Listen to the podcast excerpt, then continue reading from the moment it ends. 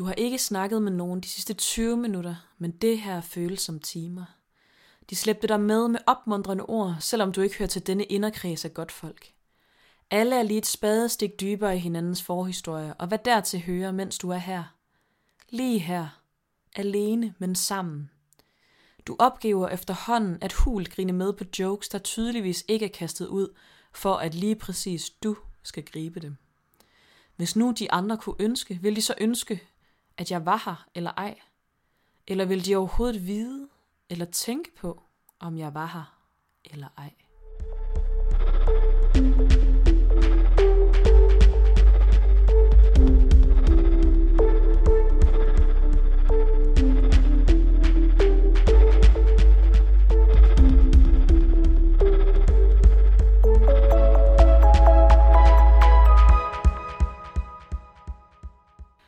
Hej og velkommen til Sidestik. Mit navn det er Digte, Og mit navn det er Sara. og i dag der skal vi snakke om følelsen at føle sig værdiløs. Øhm, som er en følelse, der kan være... Altså det er, en, det er også et meget tungt lavet ord, føler jeg, og det er virkelig noget, der kan være alt opslugende, hvis man er i. Og ligesom udsletter alt selvtillid og selvværd, når man står i det. Og det kender vi, og det tror jeg også, at, eller det tror vi også, at, øh, at alle på en eller anden måde kan ikke genkende til at have oplevet. Og forhåbentlig er det ikke noget, der fylder meget i ens hverdag, men, men det er i hvert fald noget, der kan også være svært at sætte ord på, fordi at det netop er så voldsomt at sige, jeg føler mig værdiløs, fordi så vil du højst sandsynligt blive mødt af, at nej, det er også noget pjat, og det er da for vildt at sige, og på en eller anden måde. Så jeg tror, det er en følelse, der i hvert fald er, kan være svær at blive grebet i, fordi at den tit ikke manifesterer sig, eller den manifesterer sig nok ikke i noget, der er i virkeligheden, fordi alle er noget værd. alle er lige meget værd, og der er ikke nogen, der er værdiløse. Så er det jo mere sådan et alt eller intet spørgsmål, sådan, hvis at ingen er værdiløse, så er alle, eller omvendt, ikke? Men, men ikke ellers.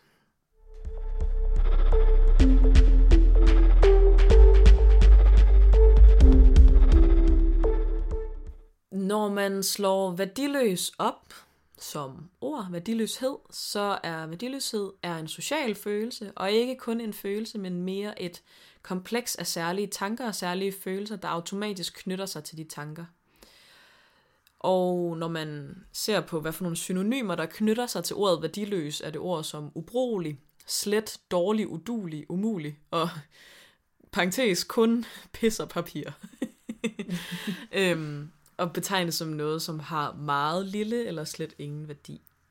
Øhm, ja, men det var en ret sjov eller fin ting at tænke over det der med, at værdiløshed er en social følelse. Altså det er ikke en følelse, der kan komme ud af ingenting. Altså den kan ikke komme indefra, uden at du på en eller anden måde har spejlet dig selv i andre. Det er ikke fordi, du behøver at sidde med folk i momentet.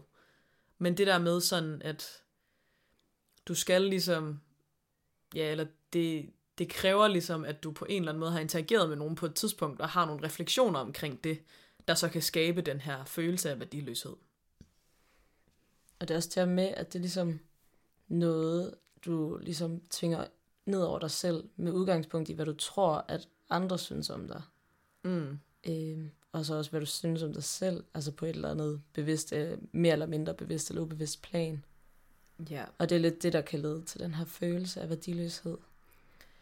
Ja, og jeg tror gerne, jeg vil våge at påstå, at det er mere, hvad du selv tænker, der spiller ind, end hvad folk rent faktisk tænker omkring dig.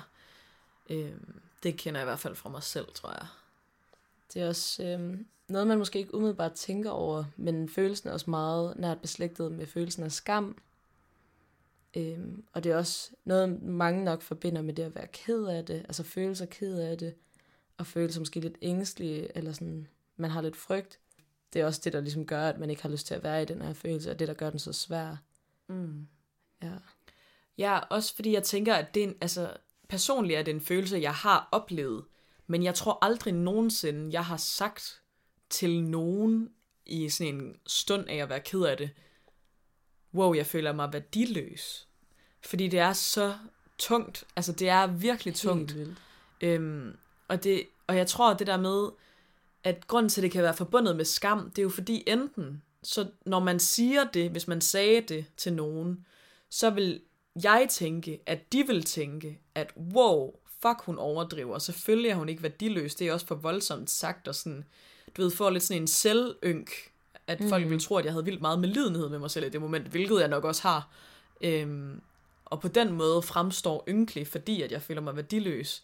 Eller også blive taget alt for alvorligt, sådan, okay, wow, er du sådan, altså, har du lyst til at være på den her jord skal jeg, skal jeg dig til en psykolog med det samme, eller, altså, du ved, Ja. jeg tror, det, det er det der med, at det er et så tungt ord, at det kan være vildt svært at, at sige højt, fordi at man netop får sådan nogle reaktioner i yderpoler, hvor måske at, at fordi man selv er så langt ude at skide, så havde man måske lidt brug for, at der var nogen, der reagerede sådan rimelig nøgtern på det, man sagde, eller rimelig sådan, okay, ro på, eller jamen, jeg ved det ikke. Ja, men i hvert fald, at hvis man lige har den her følelse, så er det måske ja, meget rart, hvis folk i hvert fald virker inkluderende. Eller hvis man lige siger sådan, hey, kan jeg ikke lige være med her? Altså man kan måske også gøre det, hvis det er i en eller anden social relation, hvor man ligesom sidder med folk, lidt ligesom beskrevet i, i introstykket, hvor man ligesom måske ikke kender folk lige så godt, men så opsøge dem på den måde. Måske i stedet for at sige, hvor jeg føler mig vildt værdiløs her, fordi det er måske også lidt, ja igen meget tungt at sige. Dramatisk. Lidt dramatisk. Der, der vil jeg måske mere øh, anbefale fremgangsmetoden, der måske bare hedder at prøve at, ja, og lige spørge sådan, hey, hvad, hvad er det egentlig, I snakker om lige nu? Sådan, kan jeg sætte mig her hos jer? -agtigt. Ja.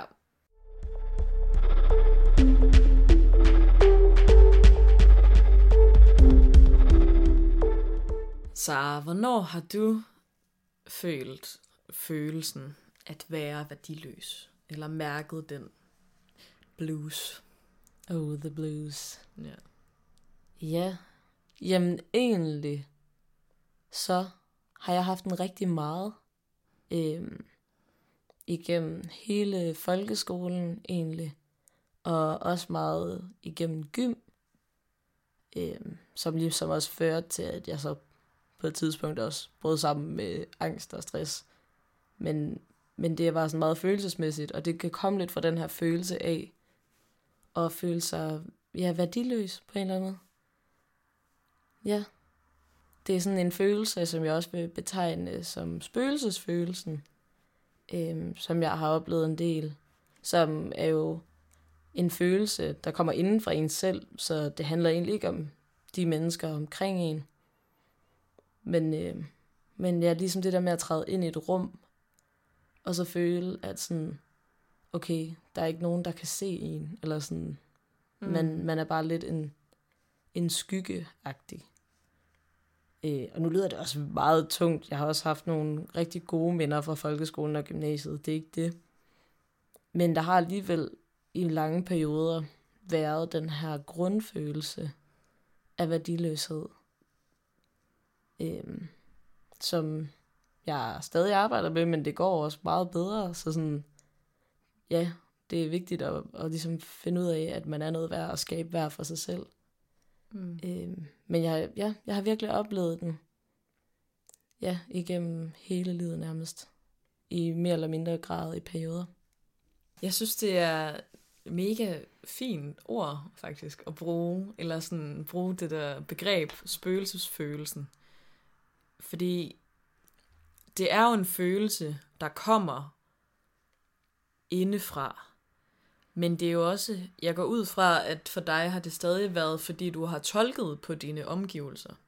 Og derfor er det, har det sådan sat et mærke i dig af, at du er gennemsigtig. Fordi følelsen af at være gennemsigtig, netop som værdiløshed også, kan ikke komme fra dig selv udelukkende, fordi at det er jo ligesom det der med, når man det er jo ikke fordi, du måske nødvendigvis aktivt har søgt noget bekræftelse, men det, at du ikke har fået en ved at træde ind i et rum, og ved at være til stede, og forsøge at læne dig ind, og den så ikke er blevet grebet, så er det netop et virkelig godt eksempel på, at man kan få den her følelse af værdiløshed. Helt vildt. jeg tror, det har, det har helt klart bare været i led med, at, altså igen ligesom beskrevet i introstykket, det der med, at man føler, okay, alle andre kender hinanden på et dybere niveau, og sådan, okay, hvorfor gør jeg ikke det med nogen, eller hvorfor har jeg ikke sådan en tryghed i nogen, øhm, og så det der med, at man føler sig fremmed over for sine omgivelser. Det er Mm. meget den, den følelse, som man jo også ja, kan få, hvis man træder ind til en fest, hvor man ikke rigtig kender nogen, så er det også meget sådan en, ja, så er man jo også decideret fremmed, men den har jeg også haft med de folk, jeg har set hver dag i mange år. Mm. Og det er jo klart der, at det mere kan komme til udtryk, end hvis du tager til en fest, hvor du ikke kender nogen. Fordi der er det jo naturligt, at folk Ja. ikke lægger mærke... Det kommer selvfølgelig an på, okay, hvis I er fem mennesker, og du kommer ind i rummet, og du ved, du er den eneste, du er den eneste, ikke Ja. kender, og de bare ignorerer dig, så vil jeg også sige, at der er et eller andet galt der. Men sådan, hvis det er en stor fest, og altså sådan, så giver det jo fin mening, at folk måske ikke lige bemærker, og så skulle det forhåbentlig Nej. ikke aktivere spøgelsesfølelsen. Men hvis at det er noget, du har været vant til, så kan jeg godt forstå, hvis det alligevel godt kunne gøre det, fordi at, mm. At man ligesom har nogle dårlige minder af at træde ind i et rum, og ikke blive grebet i og forsøge at læne sig ind i rummet. Ja, Mm. ja, det er rigtig meget den følelse. ja. Er der andre sådan tidspunkter, hvis man taler i knap så store termer, men sådan mere nede på jorden specifikt? Kan du komme i tanke om, at du har oplevet den her følelse? Ja, jo. Altså, øhm, jeg tror, jeg har kunne mærke det, når man... Når man... Åh, oh, jeg skal stoppe med at sige man. Man skal sige jeg, fordi det er mig, der svarer. Øhm, for eksempel, da jeg kom tilbage hertil, til kollektivet, nu er der jo corona, og jeg er blevet smidt hjem fra højskole, og buhy, buhy, æv, æv. Uhy! buhy. Præcis. Said no one ever. Ja, jeg tror, jeg tror, jeg prøvede at blande sådan noget bu, ev, py på samme ord.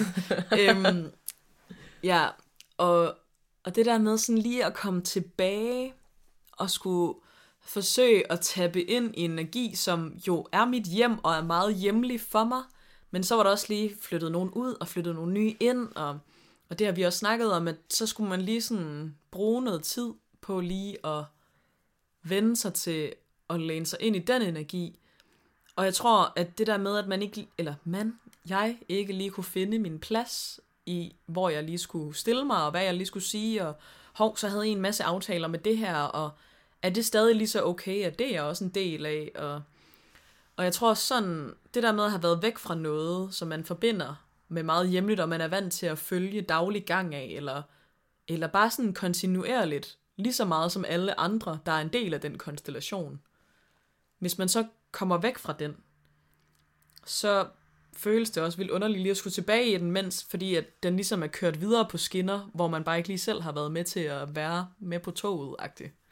Så Ja. er man lige et par vogne bagud, og så skal man lige hoppe frem igen, Ja, følelsen. jamen, jeg kender følelsen. Ja, så det tror jeg er en måde, jeg i hvert fald... Og så, altså, det er også voldsomt at sige, at jeg følte mig værdiløs, eller sådan, men det var lige... Også fordi jeg har haft lidt svært med lige sådan tilhørsforhold, og hvor skal jeg lige være, og hvad skal jeg lige gøre mig selv her i øh, corona, sådan helt personligt. Så, så jeg tror også, at det blev ligesom forstærket af, at jeg også lige ikke helt vidste, hvor, hvor jeg lige skulle placere mig selv. Øhm, det har jeg ikke længere, men øhm, jeg elsker at være her. men øhm, men det, er i hvert fald, det er i hvert fald noget, der kan aktivere den følelse. Og så kan man godt fortælle følelsen, at det, det var åndssvagt, at den kom, men, øh, men den skulle lige have lov til at være der lidt, og det er også i orden. Jeg tror også, jeg kan kende den der følelse lidt fra, da vi, havde, da vi fik en masse nye dejlige roomies. Der øh, havde jeg også en meget underlig døgnrytme, lige da de kom til. Så de første par måneder så jeg den nærmest ikke, fordi at, at du ved, vores rytmer var så forskudte. Så det var også det der med, og så sådan møde dem nærmest bare i weekenderne, og være sådan, gud, jamen I laver alt muligt med alle de andre roomies. Det er ja. også fordi, nu bor vi 16 sammen, så der er mange mennesker at tage af. Yep. Øhm, ja. men, men det var også rigtig underligt, fordi at, ja, også det der, når det bliver lidt, altså et lille identitetsbrist, fordi jeg lige netop også ser mig selv meget som en person, der er sådan er tilstedeværende, og som er meget i kollektivet, og er meget sådan på fællesarealer og sådan noget.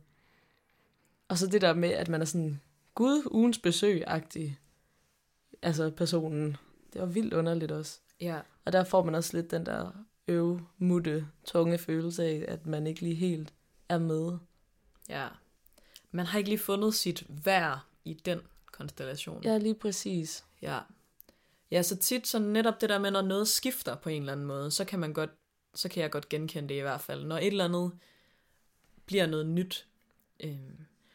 Ja, og netop også, jeg tror også netop, jeg kunne måske genkende det på forskellige, jeg har altid haft ret mange jobs på én gang. øhm, og det der med for eksempel at have et job, jeg arbejdede på en bar på et tidspunkt, og der tror jeg, at der var helt vildt mange, der lagde vildt meget energi og tid i det der job. Altså uden for arbejdstid og tog i byen og virkelig lavede mange ting med hinanden, hvor at jeg måske lidt mere var den, jeg kom til personalefesterne og engagerede mig socialt i det, men ellers så var jeg meget sådan med mine andre venner i byen, og ikke sådan engageret mig ellers. Og der kunne jeg også godt mærke sådan, at det var også, der skulle man lige finde sådan, okay, hvor er min plads så, fordi at I jo klart har en anden dynamik, fordi I bruger meget mere tid med hinanden. Og det er jo også en helt naturlig altså, reaktion, eller hvad man siger, det er en helt naturlig konstellation og, og scenarie, fordi at det er klart, at jo mindre tid du bruger i det her, jo mindre er du også en del af det. Øhm, men det kan i hvert fald godt skabe nogle af de der situationer, også hvis at jeg havde også et job i en kort periode, hvor alle lavede vildt meget socialt sammen, og jeg havde det egentlig bare lige for lige at lave noget andet, og lige stene lidt, og havde egentlig bare lige brug for at chill og sove lidt længere, sådan, øhm, mens at alle var ude og lave alt muligt sammen hver et eller andet, hvor at, så valgte jeg jo noget andet, og det, der skal man også huske at give sig selv sådan lidt fri, det der med, okay, det kan godt være, at de har det mega socialt her, fedt og sådan noget, men du kan heller ikke være alle steder, og hvis du valgte dem, så skulle du også vælge noget andet fra, som du vil gerne vil socialt. Og, og det tror jeg bare, jeg fandt sådan en ro i, sådan okay, men det er fair nok, at jeg ikke er den, der er der 100% hele tiden, i lige den her konstellation. Øhm, men der kan det nemlig godt være lidt svært at finde sit værd, synes jeg.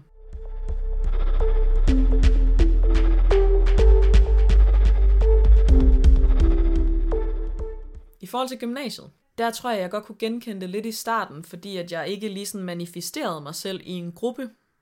Øh, jeg er gået på to forskellige gymnasier, så synes jeg også, det var svært at finde mit værd, fordi at, at jeg var sådan lidt over det hele, og jeg var ikke rigtig med nogen 100%. Og det gjorde også, at man var sådan, okay, jeg kan være alle steder, og er en lidt en all-round person, og det er jo mega nice, og, sådan, og folk alle kan egentlig godt lidt lide mig, håber jeg, føler jeg. Nu må vi, nu ved jeg jo ikke, men, men jeg, og så det der med, og, men så også lidt føle, okay, men samtidig også, hvis jeg bliver plukket ud, så har alle det stadig egentlig også fint, fordi at jeg netop ikke har valgt et sted, jeg er fast, eller sådan. Mm. Og det er jo også, det er jo meget sådan, hvis man er et sted, hvor der er gruppedannelser, og man ikke sådan fungerer så godt til gruppedannelser, så kan det nemlig være et problem, at man netop kan få den der værdiløse følelse, fordi at man føler, at man svæver lidt rundt, og man ikke rigtig sådan kan sætte sig ned et fast sted.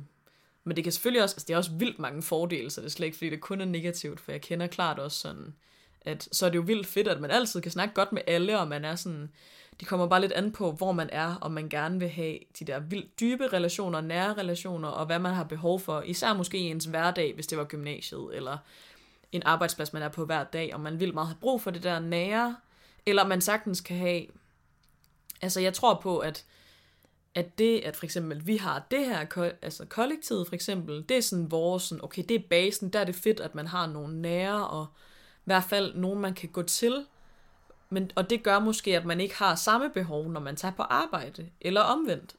Øhm, og det tror jeg, sådan, at den balance har alle lidt brug for, for netop at føle, at de er noget værd, og have det der nære, hvor du virkelig sådan føler dig knyttet til, og så gør det også, at når man har det fundament, at man meget nemmere kan sådan lidt plukke, som man har lyst i andre relationer. Ja, jeg tror, ja, altså i forhold til alt det her med sociale relationer, og det med at have nogle nære, og også nogle lidt fjerne og bekendte og sådan noget.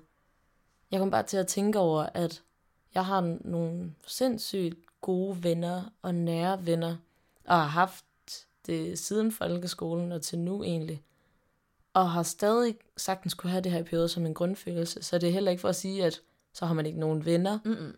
Fordi at jeg har også altså altid haft nogen, jeg principielt kunne snakke med det her om, men, men igen har ikke gjort det, fordi det lige netop er sådan en tung ting. Og ligesom skulle sige højt, at, at man har sådan en eller anden grundfølelse af værdiløshed i perioder. Det er jo, altså sådan, det har man jo heller ikke lyst til at pådute nogen andre, at de skal gå og bekymre sig om. Hvilket de jo heller ikke skal, men, men den følelse får man jo. Øhm, men bare for at sige sådan, at man kan sagtens omgive sig med en masse mennesker, der egentlig umiddelbart rigtig gerne vil en, og vise interesse i en, og sådan selvfølgelig vil det bedste for en, og så samtidig føle sig værdiløs. Og jeg tror, det er det, der er pisse svært.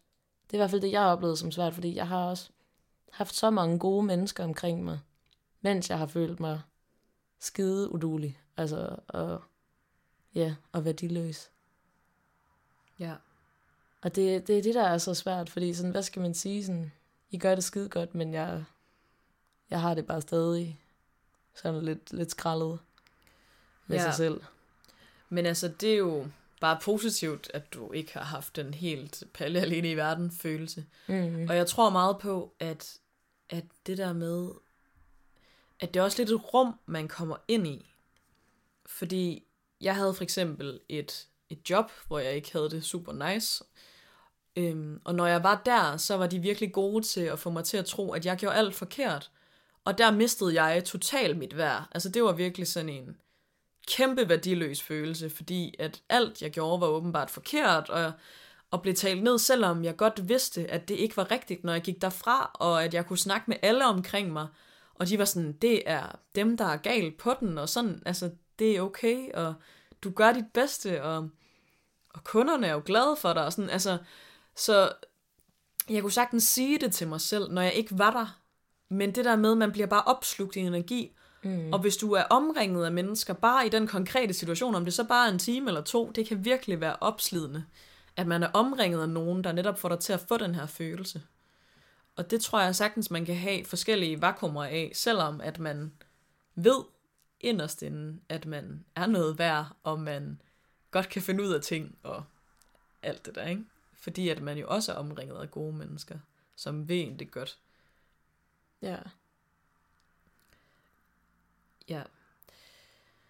Men jeg kom til at tænke på sådan, du snakkede om, at du havde det for eksempel i folkeskolen, den der værdiløse følelse. Og der tror jeg, at det er lidt forskelligt, hvor folk er, for der har jeg måske det lidt anderledes. Jeg havde mere sådan en, at jeg tror ikke, jeg var ikke bestemt specielt populær, fordi at jeg gik lidt kontra, eller ved jeg gik ikke kontra, jeg var bare et barn. Jeg var lidt ligeglad, fordi at jeg ikke tænkte over, hvad folk synes om mig.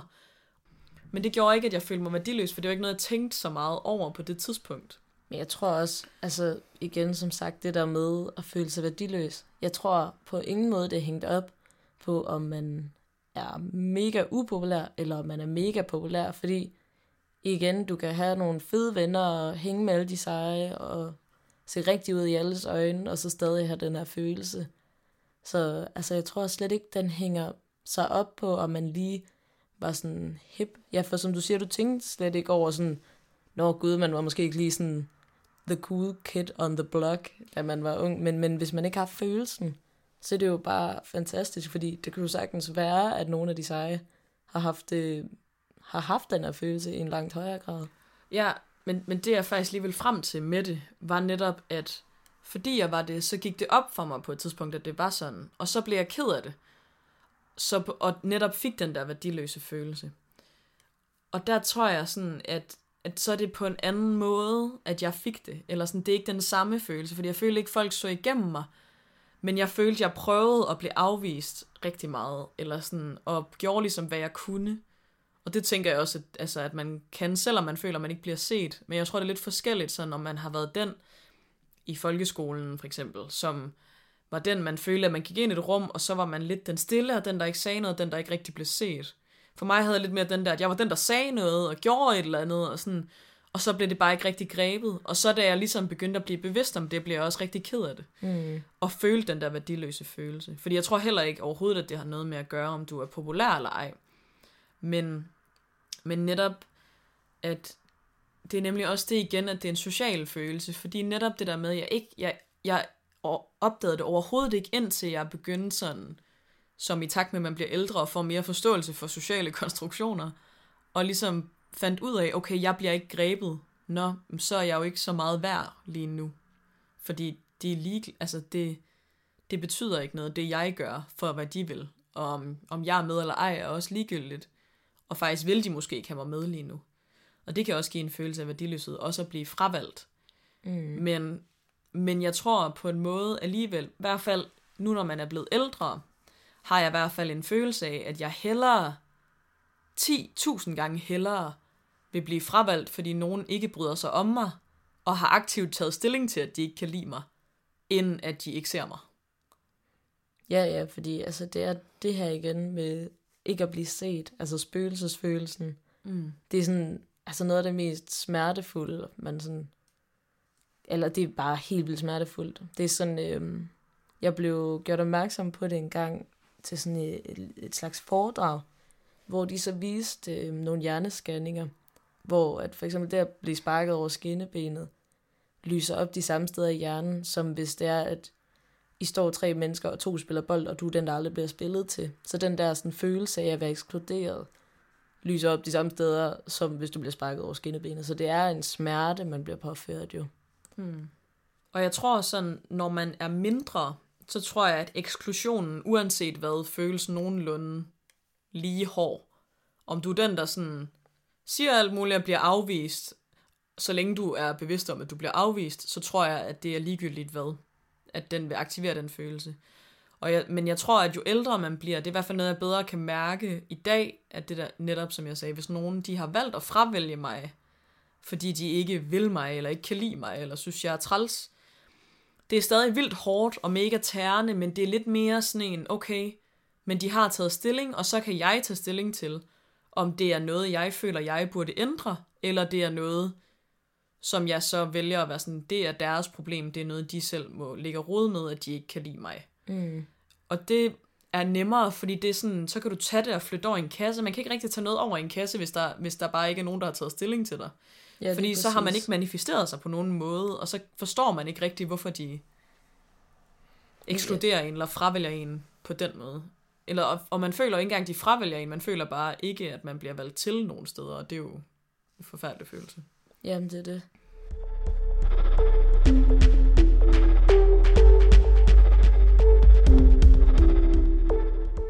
Jeg tænker om det der med, om, om man vælger nogen, fordi de vil en noget godt, eller vil en noget dårligt, det er også nemmere at tage stilling til, når man ved, eller sådan, når, hvis de ser en for den, man er, så kan man også meget, og de reagerer på en for det, man er og gør, end hvis de bare sådan ser igennem en. Fordi at hvis de ligesom, så kan du også bedre tage stilling til, om det er nogen, der gør dig noget godt. Det er ikke lige så åbenlyst for en selv mm. at se. Jo, nej, men og så alligevel ikke, fordi, altså jo, jeg er helt enig i, at, at selvfølgelig skal der være nogle mennesker i ens liv, der ser en, og sådan, men, men det der med, at det er bare så kompleks en følelse, den her følelse af værdiløshed, at, at jeg kan sagtens være med de her mennesker, der gør noget godt for mig, og ser mig, og, og måske endda snakke om det, og stadig have grundfølelsen. Altså bare for at sige, at den, man kan sagtens have et liv med en masse gode mennesker, gøre en masse gode ting, og stadig have den her følelse. Det er det, der gør den så, så svær på en eller anden mm. måde. Det gør den så tung. Så det er sådan, det er det der med, jo, selvfølgelig så er det meget hårdt ikke at blive set, og der ikke bliver taget stilling til en, end at hvis nogen har taget stilling til en og bare ikke kan lide en. Fordi mm. så kan man også sige, ja, det er da også bare dem, der har dårlig smag. ja.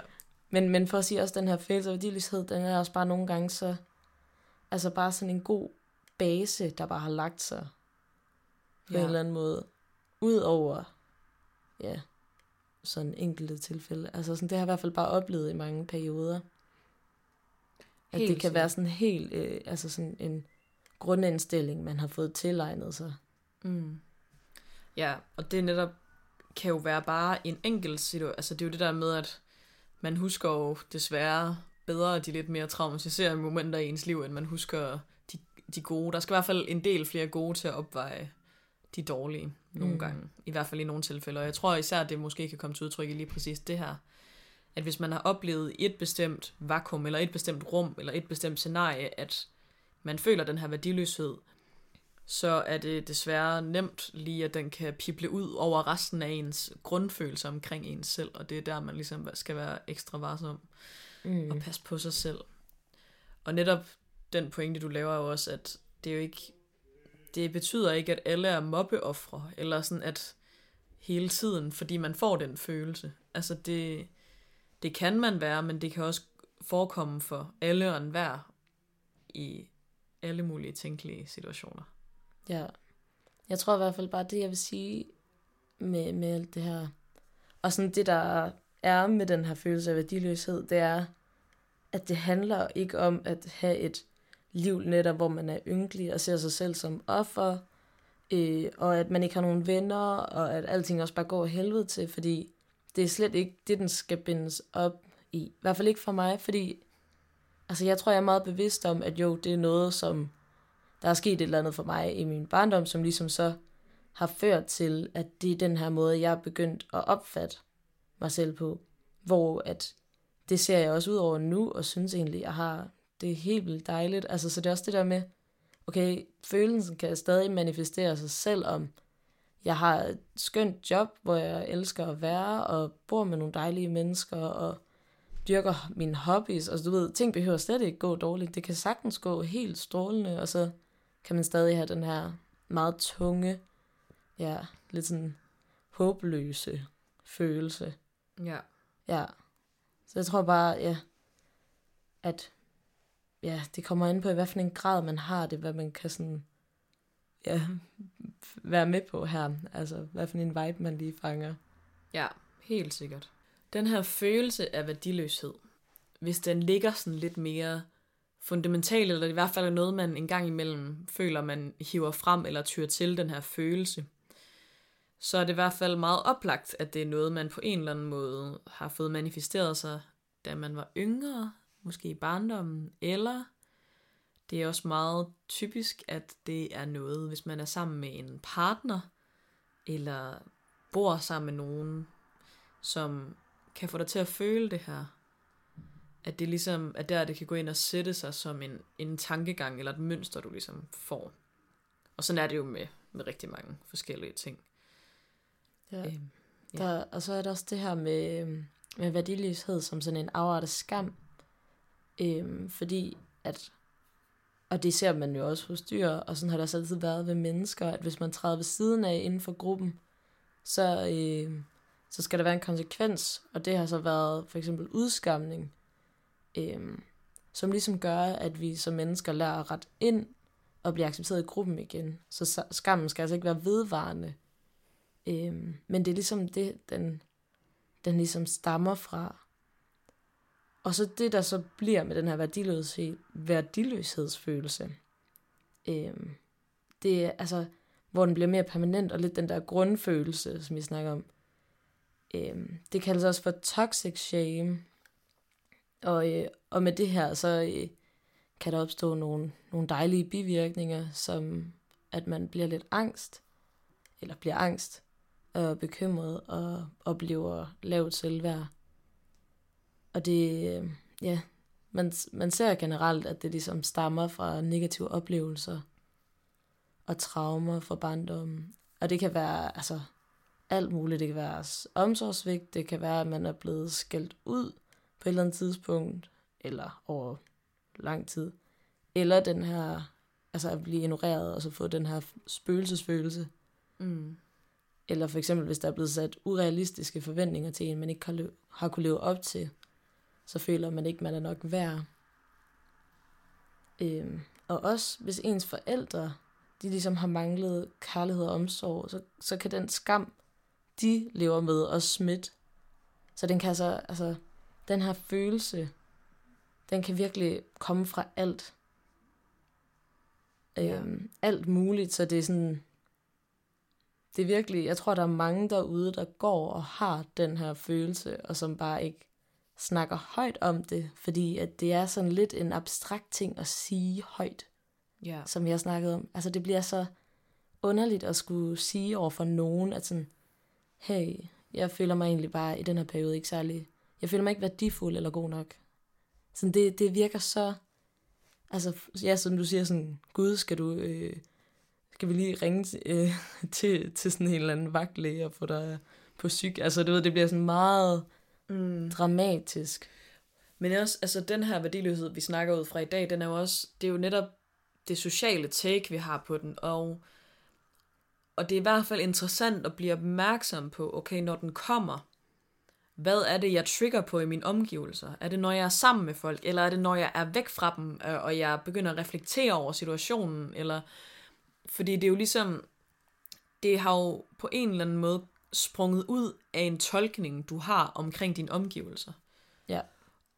Og det der med at blive opmærksom på, okay, er det fordi, jeg tolker noget, og kører noget sindssygt op i mit hoved, og har alarmberedskabet klar hele tiden, eller er det fordi, at når de gør lige præcis det her, så kan jeg mærke, at den der handling gør faktisk ondt inde i mig, og får mig til at ikke at føle noget værd, når de siger, at du er også dårlig til det, og har det som med lille grin eller et eller andet. Det kan jo godt være en eller anden bestemt kommentar, man altid får, som egentlig bare er ment i sjov, men egentlig får dig til at føle dig mindre værd. Ja. Det, det er jo også det der med, at miljøer kan jo, er jo, altså mennesker er jo vanedyr, så når der ligesom kommer en bestemt retorik omkring noget bestemt, så kan det netop være, at det er det, der trigger den her følelse af at være værdiløs, men at selvom at det ikke er ment negativt fra nogen parter, og det er godt at være opmærksom på i hvert fald, så man kan slå ned på det og sige fra og være sådan, hov, ej, jeg kan mærke, at det her, det var faktisk ikke særlig rart, fordi jeg kan mærke, at når du siger det, selvom det er for sjov, så bliver jeg faktisk i tvivl om, lige om jeg selv faktisk er god til det, du lige siger der, eller et eller andet, ikke? Ja.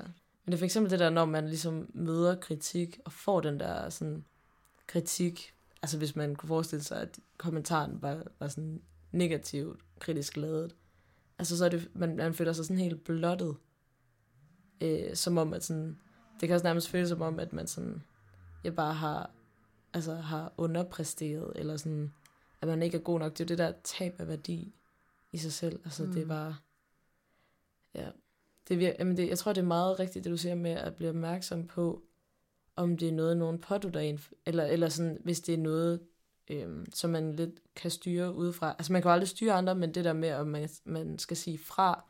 Ja. Altså hvis nogen giver en en kritik ofte, sige, hey, det der, det, det gør sgu ondt. Eller, eller hvis det er, at man altid bliver bebrejdet for et eller andet. Altså sådan, ja, om, om det er et sted, man skal sige fra, eller om det, eller som du sagde der med, om man bare har lavet alarmberedskabet op hele tiden, og bare har den her følelse, så vil jeg helt klart sige, at så skal man tage nogle tungere skyts frem. Altså og, at arbejde med det på en mere seriøs måde. Mm. Ja, og selvom at det måske ikke er noget, du skal sige aktivt fra overfor, kan det stadig være fint at i tale sætte. Altså sådan, fordi det, det, er jo, det kan jo sagtens være, at du tænker, nå, jamen, der er faktisk den situation, men jeg er i tvivl, om de er forkert på den, eller jeg tolker noget helt vildt ind i det.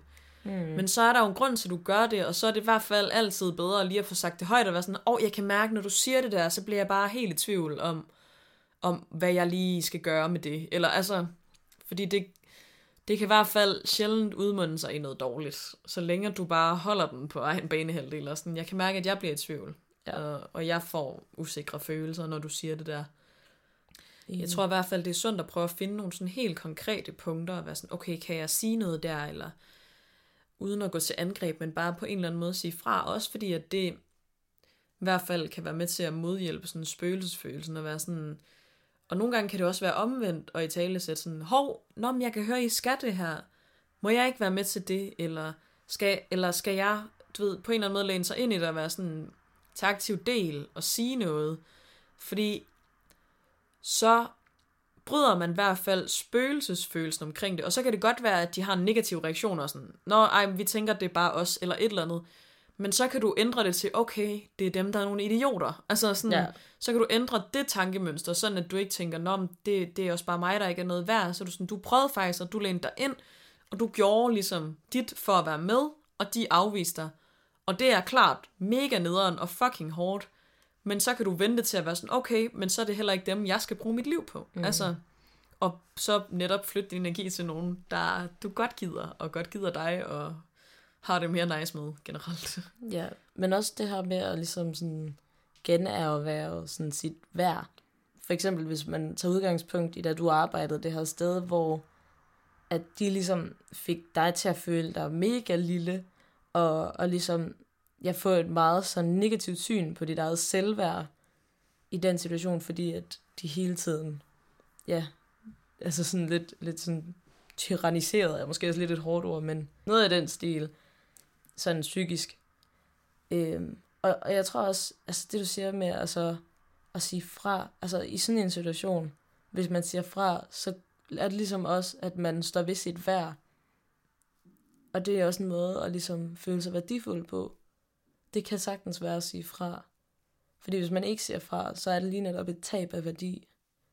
Og som siger det der med, at man godt går derfra og vide sådan, hm, det var dem, der var helt galt på den, det var ikke mig. Men, men hvis man ikke står op for sig selv, så er det nemlig, at man mærker det der tab af værdi, i stedet for at man har stået ved, at man kender sit eget værdi.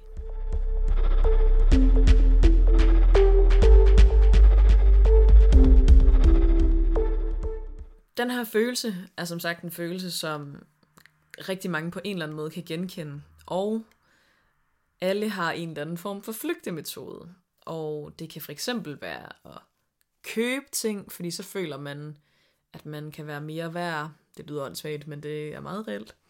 Og præstere i en eller anden grad kan få følelsen til at gå væk sådan, okay, hvis jeg, det kan være sport, eller det kan være fagligt, eller kreativt, kreativt, you name it. Øhm, og ja, og dømme andre, fordi så får man ligesom en følelse af, at man sætter sig over nogen. Så det kan være, at man ser et reality-program eller et eller andet, og føler. Og det kan jo være en, en fin nok metode, hvis du ligesom bare dømmer nogen på afstand, uden at du nogensinde kommer til at snakke med dem om det, eller at de kommer til at mærke men af det, du gør. Så kan det være okay, vil jeg sige. Øhm, ja, og straffe sig selv i form af for eksempel at lade være med at spise, eller overspise, eller drikke, eller tage stoffer, eller gøre fysisk skade på sig selv. Øhm, kan også være måder at ligesom flygte fra den der følelse af værdiløshed, netop fordi det er en følelse, der er forbundet meget med ligegyldighed. Så det der med for eksempel at spise for meget eller for lidt, så er det jo en følelse, så sætter man ligesom fokus ind et andet sted, og så mærker man jo noget, selvom at det ikke er positivt, det man mærker. Det er i hvert fald ikke konstruktivt. Det er i hvert fald ikke konstruktivt, nej. Men altså, i stedet for at gøre alle de her ting, som lidt øh, er, er nogle ting, der er kommet op på hitlisterne, og øh, ja, flygtemetoder, når man mærker den her følelse, så øh, vil vi anbefale, at i stedet for, at man bruger alle de her førnævnte sådan, ja, go-tos, så øh, altså skal man ikke skub, man skal ikke skubbe følelsen væk, når den opstår. Men, men det skal også, altså det er sådan lidt et fint sammenspil, fordi at det hjælper heller ikke noget, at man lader de negative tanker øh, forstærke følelsen. Altså gå ned i sådan et hul. Mm. Øhm, men, men at man ligesom mærker den, og så gør noget for at komme ud af den negative sådan tankespiral. Og, øh, og en måde, man kan, nogle måder, man kan gøre det på, som ikke er at, at blive shopaholic for eksempel, men, men rent faktisk gøre noget konstruktivt for sig selv, så er det ligesom, ja, det der med at mærke følelsen, og så gøre noget positivt for sig selv. Og man kan eventuelt sådan skrive negative tanker ned, altså ligesom for at give dem pladsen, for at ligesom sige sådan, okay, ja, nu, nu får man det ned. Og ja. så sådan noget som yoga og mindfulness, øh, altså sådan påvist hjælper. Her kan jeg lige smide en lille anbefaling til øh, Netflix Explained, som for nyligt har udgivet øh, et afsnit om mindfulness, og hvad det rent faktisk gør ved vores hjerner af gode ting og sager. Øh, så hvis man ikke tror på mindfulness og synes, at det er lidt noget hippiefis, så synes jeg, man lige eventuelt lige kunne tjekke det afsnit ud. Øhm, ja. Og så bare generelt det her med at komme ned i kroppen og, og føle sig grounded på en eller anden måde. Altså hvad der virker for en. Og det kan være mm. yoga for eksempel.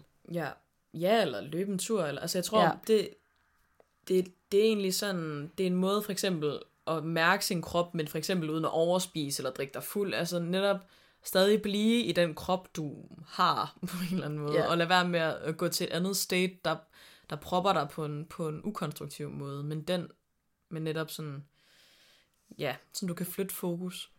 Ja, i hvert fald, mm. så du, altså på en måde, så er det jo at flytte fokus, men det er jo også rent faktisk bare at ligesom gennemarbejde følelsen. Altså for Mm. eksempel det der med at være sådan, okay, lige nu har jeg det bare skrald, men hvis man jeg så lige løber en tur, så er det ikke nødvendigvis, fordi man flygter fra det.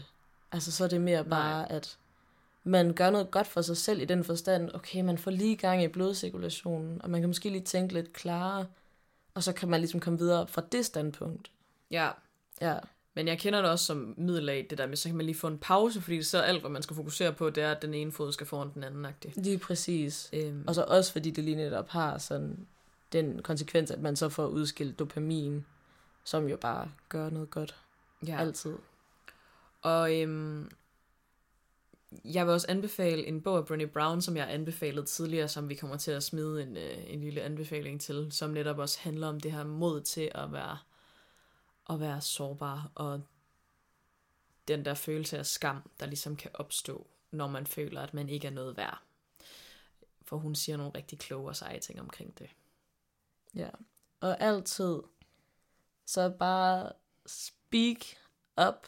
Tal med, med en ven, en du er tryg ved, omkring, omkring dine følelser. Eller eventuelt søge, øhm, ja, søge kyndig hjælp hos en terapeut. Mm. Fordi det kan work wonders. Ja, men det kan gøre meget bare at tale om det med en, du har nær. Ligesom mig og Sara gør lige nu. Ja. ja, det er sgu dejligt. Ja.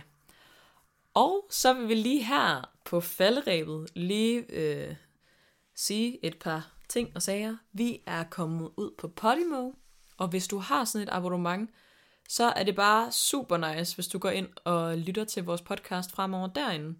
For øh, så kan vi også få lov til at få en øh, bid af kagen og få hele podcasthjulet til at køre. Og, øh, og forhåbentlig lige om lidt, så øh, er vi oprettet på tier. Så der skal I også være velkommen til at gå ind og øh, smide en øh, valgfri donation til Kære Lille Sidestik. Yay! Yeah! ja, det er så fedt. ja, det er mega fedt. Ja. Det var det sidestik for denne gang, og dine værter var Digte Og Sara.